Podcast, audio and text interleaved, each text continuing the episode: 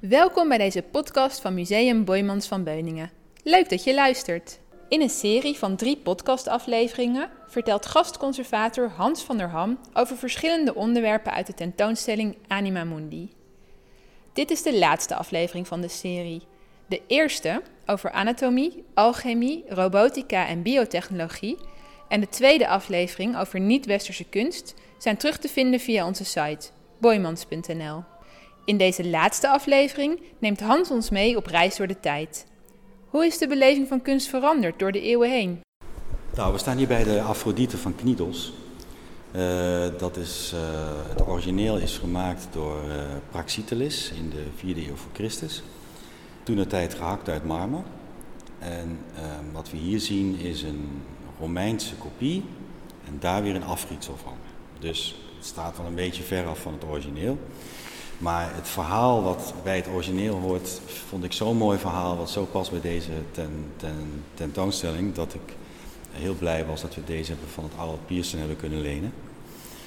Um, het verhaal gaat namelijk dat um, iemand zich hier echt fysiek mee uh, verhouden heeft, zeg maar. Dus een man heeft zich laten opsluiten in de tempel waar dit beeld stond. Er zijn echt sporen van gevonden dat er dus echt fysiek contact is geweest. En dat is iets wat ook echt in die tijd klopt. Dat uh, mensen, het, om te beginnen is het zo dat tijdens de Grieken is de beeldhouwkunst zodanig veranderd dat ze voor het eerst echt, uh, echt op mensen gingen lijken. Hè. Daarvoor hebben het eigenlijk van de Egyptenaren geleerd. En de Grieken hebben eigenlijk gezorgd dat die beelden in beweging kwamen. Die zijn nou, letterlijk in beweging, zo van dat er een draai in komt en dat ze dus echt heel erg mens, menselijk werden.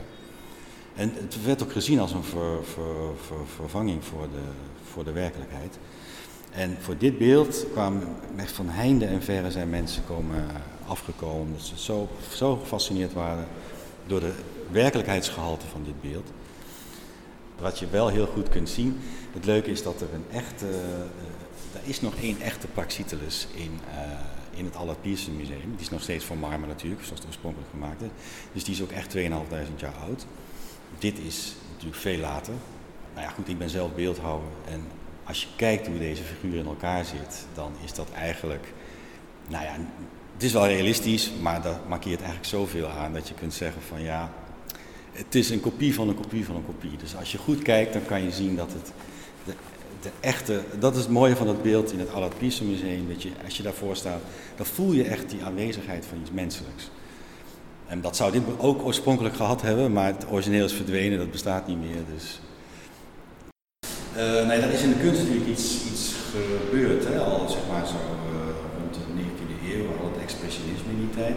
De kunstenaar werd heel belangrijk. En daarna is zeg maar, de kunst steeds seriëler geworden, steeds meer echt teruggegaan naar het materiaal zelf.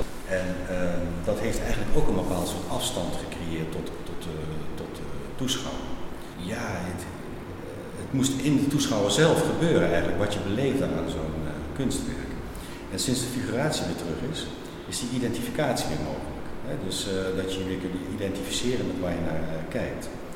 Uh, ja, dat is, dat, is, dat is een enorme stap eigenlijk. Dus in de jaren tachtig is dat weer teruggekomen, de vorige eeuw, dat er gewoon weer figuratief gewerkt werd. En dat heeft gewoon een heel ander soort kunst weer opgeleverd.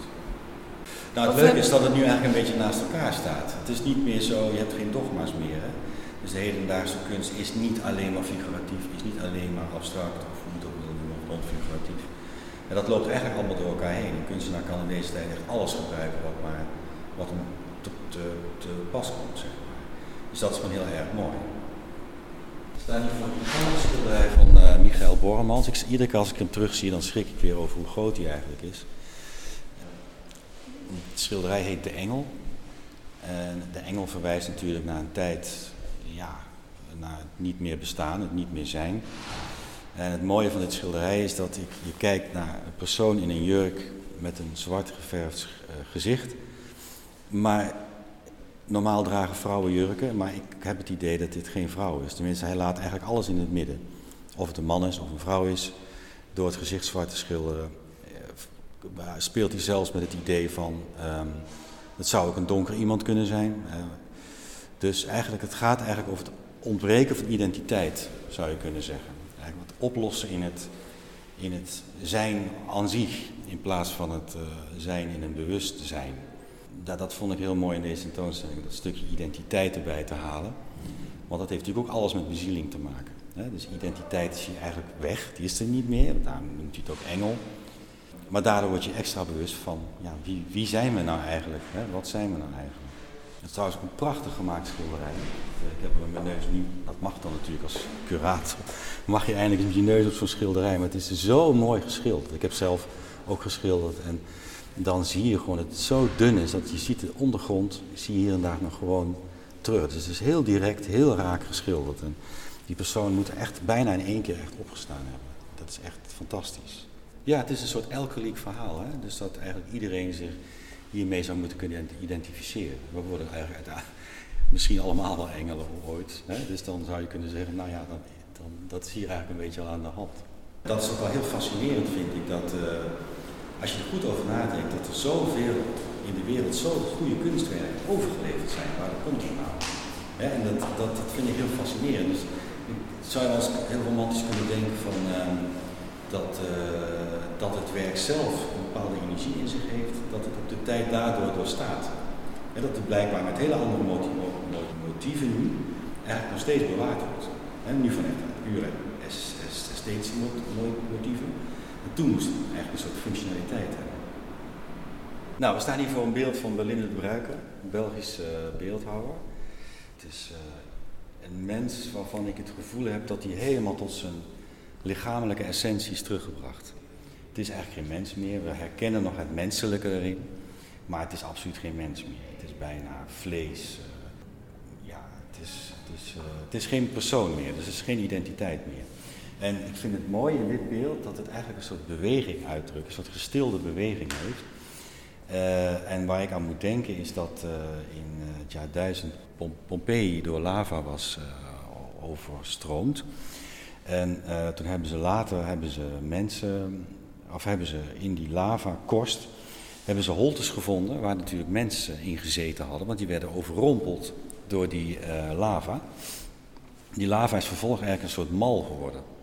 Nou, die mensen zijn natuurlijk inmiddels vergaan en weg. Dus hebben ze die holtes opgevuld met gips. En wat je dan krijgt, is eigenlijk mensen die uh, afgebeeld zijn op het moment dat ze stierven. Dat is natuurlijk heel fascinerend. Dat je dus, is eigenlijk iets wat iedere beeldhouwer volgens mij fascineert. Dat moment, een verstild iets, waarin eigenlijk de beweging is stilgezet. En datzelfde gevoel heb ik bij dit beeld. Dat het, uh, dat het een verstilde beweging is. Ik geloof zelf persoonlijk wel dat, um, dat eigenlijk alle goede kunst iets spiritueels, iets religieus heeft. Maar dat is iets anders dan wat, dat hoeft niet over een afbeelding te gaan. Dat is meer het maakproces zelf. Dat zou je meer met, al, met alchemie kunnen uh, ver, vergelijken, denk ik. Ik denk dat uh, iedere kunstenaar op zijn manier met een alchemistisch proces bezig is, want hij transformeert materiaal namelijk. En de, mate waarin je dat kunt, afhankelijk van je talent, zeg maar, bepaalt of iets ja, ook levensvatbaar wordt, hè? of dat dus nog uh, de tand des tijds gaat doorstaan, zeg maar. De tentoonstelling duurt nog tot 23 september en wordt afgesloten met een uh, symposium waar vier mensen zullen spreken. Dat zijn de volgende sprekers. Dat is professor Dr. Stijn Bussels, hoogleraar kunstgeschiedenis aan de Universiteit Leiden. Dan zal spreken Dr. Pim Hazelager. Hij is professor en hoofdonderzoeker theoretische cognitieve wetenschappen bij het Donders Instituut voor Brain Cognition and Behavior aan de Radboud Universiteit in Nijmegen. Dan hebben we nog Johan Tahon, beeldend kunstenaar, deelnemer ook van, uh, aan Anima Mundi. En Wouter Welling. En Wouter is conservator niet-westerse hedendaagse kunst bij het Museum voor Wereldcultuur. Meer informatie over de tentoonstelling Anima Mundi vindt u op onze website boymans.nl. Via het kopje activiteiten kunt u zich ook aanmelden voor de themamiddag op 23 september 2018, met aansluitend een rondleiding door de conservator. Dit was de laatste aflevering van een serie van drie over de tentoonstelling Anima Mundi. De eerste twee afleveringen vindt u terug op onze website via SoundCloud, iTunes of uw favoriete podcast-app. Bedankt voor het luisteren.